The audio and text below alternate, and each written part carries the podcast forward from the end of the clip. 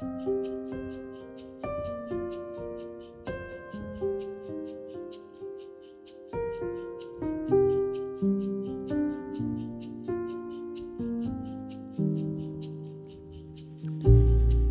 lytter, velkommen til min serie om tidsforståelse og tro.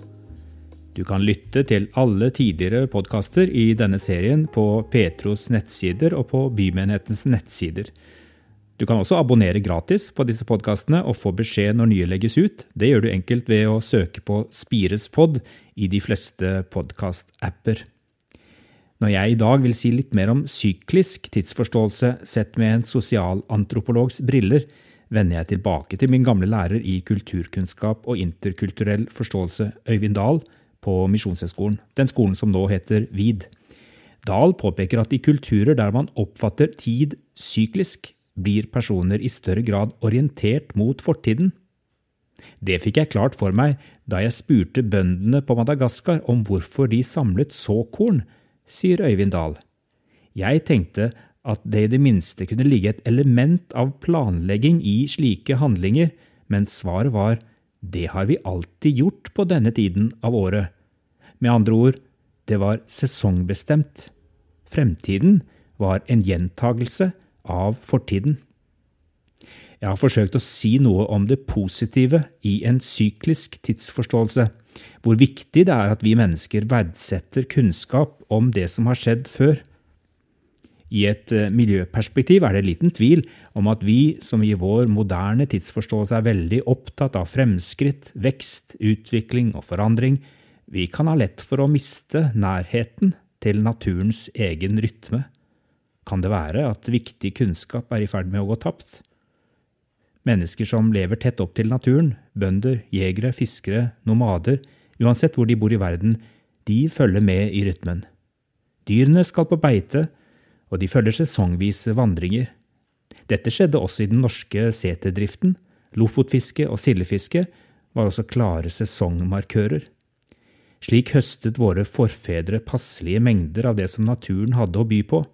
Syklus, pauser, rytme og gjentagelse hører til naturens vesen og dermed også til menneskets vesen som en del av Guds finmaskede skaperverk. I en syklisk tidsforståelse har vi aldri knapt med tid. Det kommer hele tiden mer av den. Kan også en konsekvent syklisk tidsforståelse være problematisk og selvdestruktiv? Ja, det vil jeg også si noe om. Jeg tror den som bare lever i nuet og har blikket vendt mot en kjent fortid, taper av syne mulighetsrommet for forandring og utvikling. Framtiden blir nærmest lukket og uinteressant, for alt det som er viktig, har allerede skjedd. Fatalisme er den filosofiske tanken eller holdningen som forutsetter at alle handlinger er bestemt på forhånd for all tid, og at mennesker er maktesløse i å endre hva som skal skje. Skomaker, bli ved din lest, sa man i gamle dager. Her lå noe av denne tanken også i vår kultur. Dette kan være en ganske så undertrykkende livsholdning, Kristendom er etter sitt vesen ikke en skjebnetro der alt som skjer er forutbestemt av en kjede av hendelser som er uunngåelige og uforanderlige. Gud har skapt oss mennesker i sitt bilde til å være hans medskapere og til å delta i hans frelseshistorie. Når vi kalles til å være med på det han gjør, til å være med i hans misjon, da får vi lov til å tro at vi også kan være med på å forandre og forbedre menneskers liv og livsvilkår her og nå.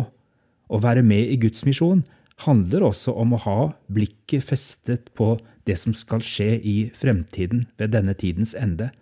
Da er ikke vår skjebne forutbestemt, men vi gis mulighet til å velge oppstandelsen og livet i Jesus Kristus.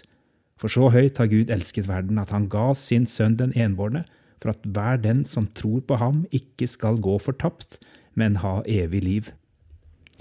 Det Jesus har gjort for oss i fortiden, får vi lov til å ta imot i vår nåtid.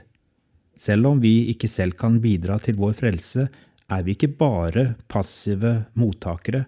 Vi får være med på det Gud gjør i vår verden her og nå, ved å gi flest mulig mennesker del i Hans godhet og nåde, og ved å la bildet av Jesus få prege og forandre menneskeheten og fordrive ondskap og undertrykkelse. Paulus skriver i 2. Korinterbrev kapittel 3 og vi som uten slø for ansiktet ser Herrens herlighet som i et speil, vi blir alle forvandlet til dette bildet, fra herlighet til herlighet, og dette skjer ved Herrens ånd.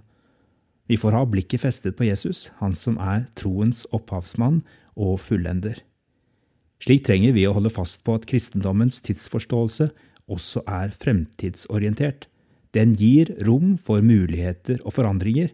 Det er ikke sant at en vond fortid og en krevende nåtid skal få definere min framtid. Ved troen på Jesus sprenges våre menneskelige forestillinger om hva som er mulig, og vi får ta imot Guds løfter som står fast. For jeg vet hvilke tanker jeg har med dere, sier Herren, fredstanker og ikke ulykkestanker. Jeg vil gi dere fremtid og håp. Ha en velsignet Kairos-tid der du er.